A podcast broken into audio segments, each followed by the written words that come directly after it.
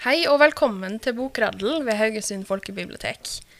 I dag har vi Bokraddel på podkast, og dere har gleden av å høre på Audhild Tjugen og Siri O. Vikse.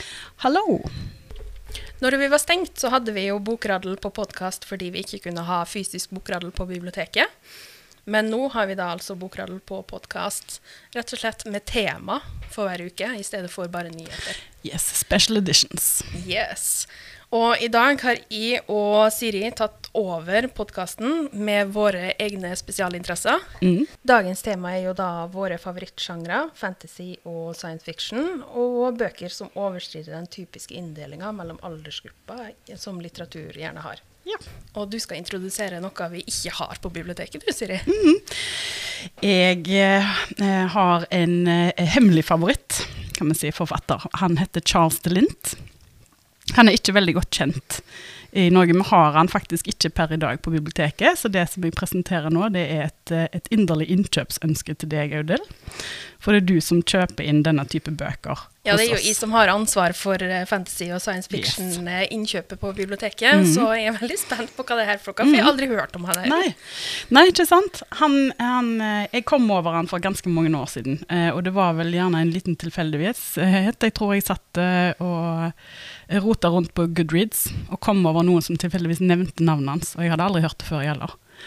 Eh, og så begynte jeg å søke det opp, da, og ser at han er jo ikke fått tak i eh, på noe bibliotek. Nesten jeg fant han ikke, så jeg begynte å kjøpe inn bøkene hans sjøl. Og jeg begynte med å kjøpe en Det er egentlig en novellesamling. Han heter Wither Shins. Eh, og det Altså, Wither Shins betyr uh, mot klokken anti-clockwise. Oh, ja. Og sånn som han har brukt det, så er det jo i betydningen av at uh, det er et uh, ominous sign. Altså det betyr ulykke. Er det skrekkhistorie? Nei, det er ikke skrekk. Eh, det er urban fantasy. Eh, Hva vil det si? Ja, det var det jeg prøvde å oversette det til norsk. Det blir litt sånn teit. Urban fantasi. Det, det høres ikke helt eh, bra ut. Men det handler, det som han har gjort eh, Han er fra Canada. Og eh, den byen og det miljøet, eller verdenen som han har bygd opp Du kan se for deg at det ligger gjerne nord i USA, eller på grensen til Canada. Eh, han bruker mye elementer fra eh, indianer eh, Altså historie, da. Eller og på en måte deres eh, dyre? Mytologi? Ja, Ja. mytologi. Eh, eh, og det som han har gjort, er at han har Den boka som jeg begynte med, den er litt sånn midt inni alt. Men det er eh, korte historier som er fine introduksjoner til karakterene. Fordi det som han gjør, at han gjenbruker karakterene som du blir kjent med, og forteller forskjellige historier ut fra forskjellige synspunkter, men alle går på en måte igjen i bøkene. Så du, du kommer på en måte inn i en slags sånn derre eh, Hva skal vi kalle det? Familie, eller et miljø som du etter hvert blir veldig glad i. Jeg har i hvert fall blitt veldig glad i de. Og de karakterene er, de lever sitt helt eget liv. og i en roman på 600 sider så kan kanskje 20 av de figurere, men kun én av de er på en måte hovedpersonen. da. Men du kjenner alle etter hvert, fordi at du har lest om dem på forskjellige måter. Så når eh, en historien handler her om eh, Gilly Coppercorn eh, og Geordie Riddle, eh, og de har den mest fantastiske eh, kjærlighetshistorien i en av romanene.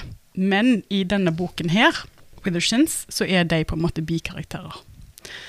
Eh, og så blir du litt kjent med dem, og så blir du veldig nysgjerrig på folk. Og det som er så kjekt med måten han skriver på, det er at når du blir nysgjerrig på dem, så kan du egentlig være sikker på at det kommer eh, en historie om dem et annet sted. Så du har på en måte armer og tentakler i dette verdensbildet hans, som har Jeg, vet, jeg aner ikke hvor mange bøker han har skrevet nå, 15 kanskje, fra dette miljøet. Eh, og det er på en måte fra i dag. Det er ikke liksom historisk eh, fiksjon og, eller romaner som tar deg langt tilbake i tid. Det er fra i dagens De har smarttelefoner, og de har vanlige klær og joggesko. Og sånn. eh, men samtidig så har du den der mytologiske vrien på det, som tar deg inn i eh, det overnaturlige. Og det er ikke sånn eh, drager og eh, romskip og den type ting, men det er på en måte det fantastiske i hverdagen. da. Han vever det inn i hverdagslivet på en måte som er uh, utrolig fascinerende. Og som i hvert fall for meg gjør liksom hverdagen rikere på et vis, for du tar de med deg ut i livet ditt etterpå. Så Charles DeLint, Stor anbefaling fra meg. Audhild, kjøp inn. Ja, jeg ble nå veldig nysgjerrig nå, i hvert Mm. fall. Det høres utrolig tilfredsstillende ut å møte samme karakterene om og Ja, om igjen, selv jeg- om de ikke er liksom hovedkarakter, eller ja. Jeg elsker jo å gå inn i verden. Jeg elsker bøker som varer lenge. Jo Mm. tjukkere, jo bedre. Eh, og hvis det er altså, serier eller altså, trilogier, og det er det kjekkeste jeg vet Når de er ferdig skrevet, vel å merke. Ja. Jeg har med meg Brandon Sanderson. Han er jo egentlig mest kjent for å ha skrevet fantasy, eh, annet å fullføre den store serien Tidshjulet for eh, Robert Jordan. Men han har òg en del egne serier, som Mistborn, og eh, ja, han er annet kjent for eh, å ha skrevet The Stormlight Archive. Mm. Men den du Eh, har med i dag, det, Det er en annen. helt annen serie. Ja. Han har faktisk gått ut av fantasy og skrevet noe i science fiction-universet. Mm. Så den står på science fiction-hylla. Mm. Den heter Skyward.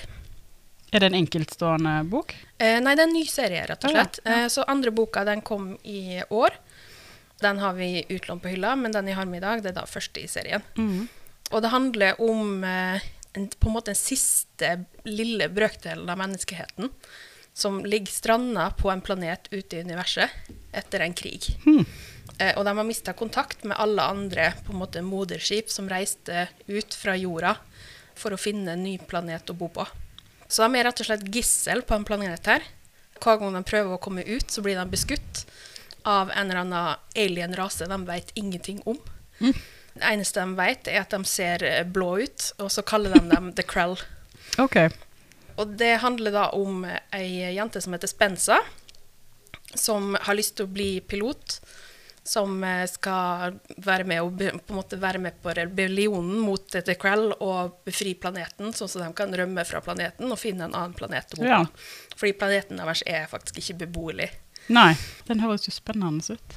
Ja, det er en veldig spennende historie, og det er jo skrevet for eh, ungdom, og det er tydelig, men det er i hvert fall for meg som på en måte er en litt yngre voksen, så er det fortsatt eh, modent nok skrevet til at det er interessant å skrive. Det føles ikke barnslig eller eh, forenkla for min del. Det føles Det er intelligent og god skriving, rett og slett. Høyt tempo, mye spenning. Og hun Spensa er en veldig eh, god karakter som eh, opplever veldig mye spennende og har et familierykte hun må rette opp i, rett og slett, etter at eh, faren hennes har gjort noe utilgivelig mot Oi. nasjonen. Ja. Skal ikke si mer enn det. Mm.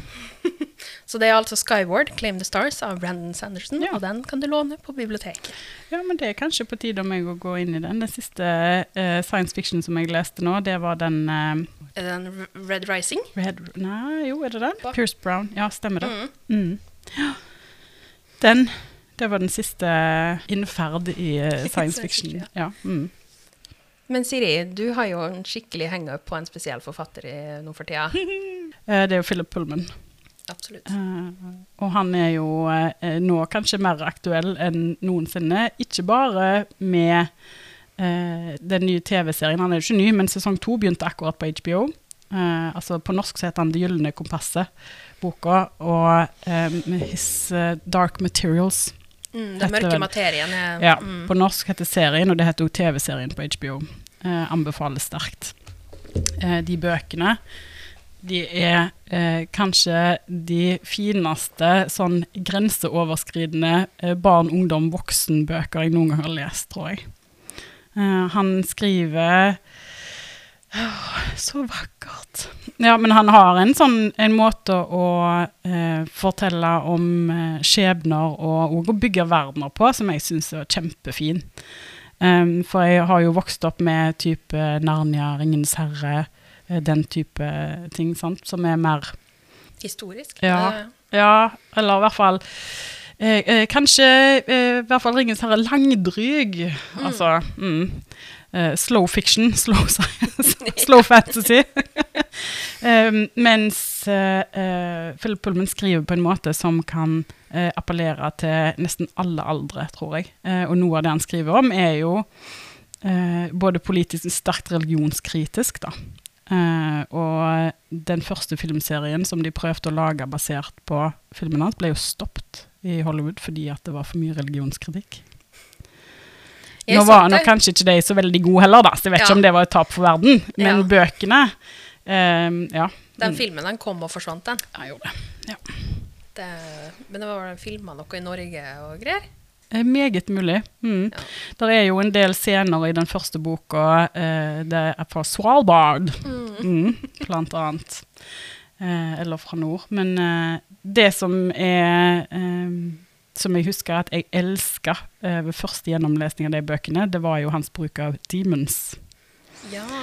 Og det som eh, skiller på en måte den verdenen han bygger opp fra vår menneskelige verden, som jo kolliderer etter hvert i bøkene hans, det er jo at i Philip Pullman sin verden så har menneskene eh, en form for sjel utenpå kroppen sin i form av et dyr, som blir kalt demons.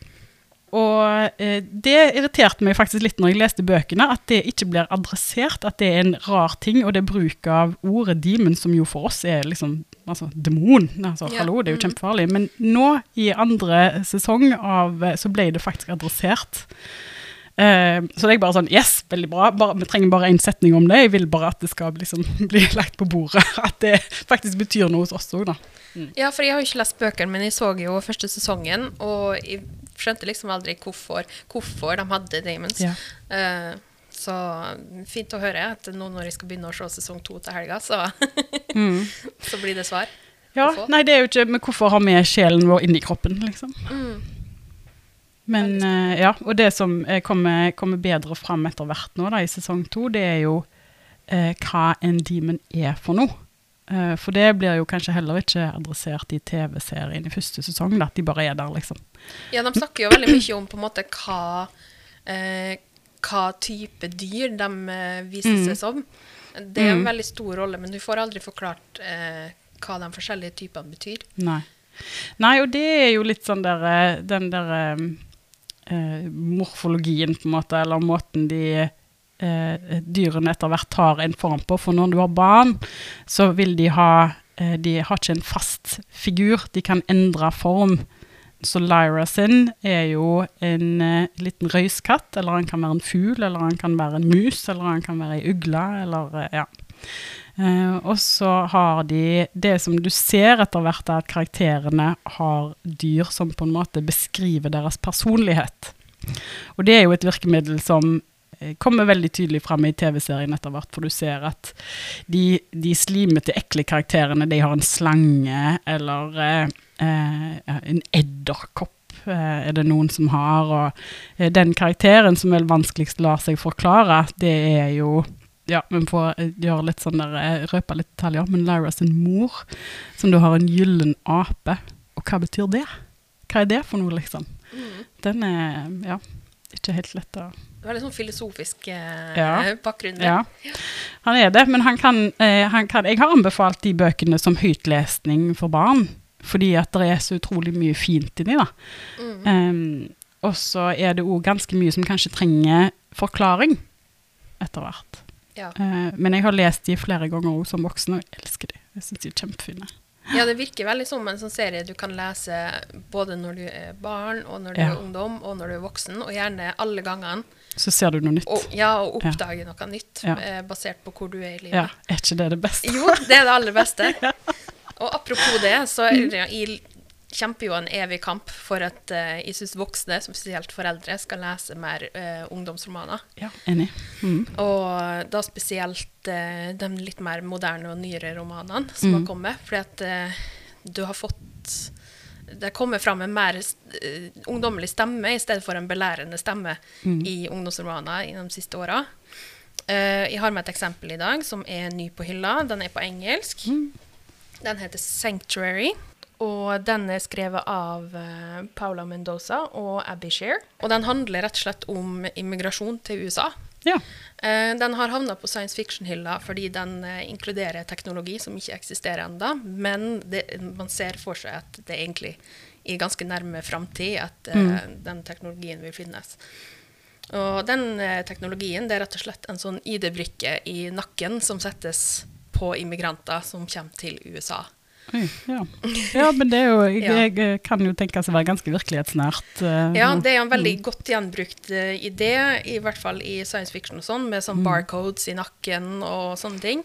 Uh, og det er veldig likt det der, men det her handler da altså om uh, ei jente som reiser til USA med familien sin fra Colombia, og må leve på flukt som ulovlig immigrant eh, når immigrasjonslovene blir endra til at eh, de skal bli deportert alle sammen.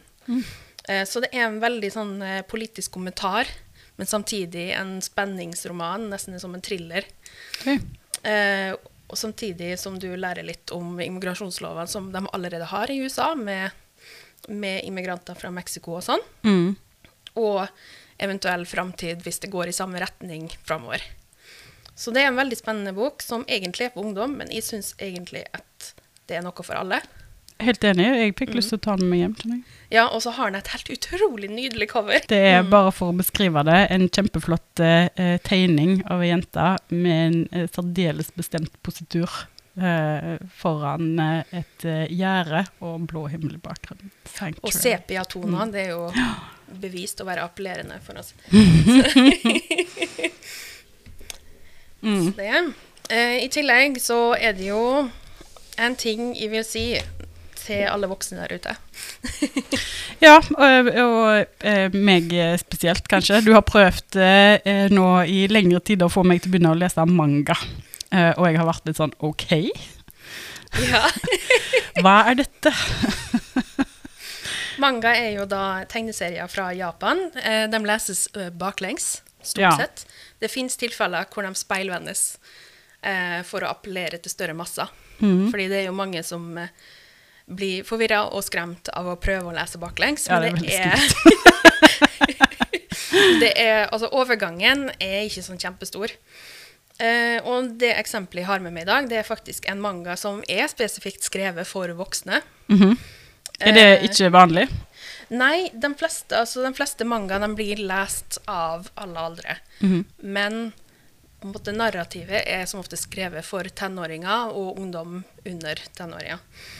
Eh, spesielt type actionmanga og kjærlighetshistorier og sånne ting. Da går det veldig på eh, overdrevne humor. eh, virkemidler og veldig overdreven fantasy og veldig mye sånn uttrykk og mye kroppsspråk. Og alt er liksom skrudd opp på 110. Ja. For det som jeg forbinder med manga, det er jo nesten sånn der eh, eh, Pikachu, eh, eh, powwow, eh, veldig overdreven eh, Og ja. Mm, litt sånn der eh, Hva skal man kalle det? Eh, eh, barnslig fantasy-ting, kanskje. Ja, og det fins veldig mye av det. Og det, det som er viktig å på en måte huske, er at manga er ikke bare én sjanger. Nei. Eh, det er bare, egentlig bare en eh, trykkform. Ja, ja nei, for meg, Mhm. sant, så, som en sånn derre eh, Ja, så det er Det finnes like mye variasjon innenfor manga som det finnes innenfor romaner, mm, eh, rett og slett. Og det vi har på en måte tatt en sjanse på her, da Nå har jeg, jeg brukt en, en ukes tid med lobbyvirksomhet. Ved, ved, fordi jeg har jo ikke ansvar for innkjøpet innkjøp av tegneserier hos oss, men jeg har jo ansvaret for eh, innkjøp av manga. ansvar på påvirkning. Ja, så her var det jo litt sånn i grenseland, fordi den mangahylla vår den er jo egentlig retta mot ungdom. Mm, Eh, men det her er jo en manga retta mot voksne. Eh, en komedie, rett og slett. mm, Eh, og den heter The Way of the House Husband og handler om en tidligere Yakuza eh, Yakuza En hitman. Mm. Altså en uh, leiemorder. ja, det er Yakuza mafia, japansk mafia. Ja, japansk mafia. Som da har pensjonert seg fordi han eh, ble gift. Mhm. Eh, og har nå eh, bestemt seg og gitt alt, hele sin sjel, inn i jobben som hjemmeværende Hele sin Yakuza-sjel. Ja. Ja. og han, altså, det skal gjøres skikkelig. For altså, det som er på en måte veldig viktig å huske på, er at de eh, som jobber yakuzaene i Japan, det er jo krigere.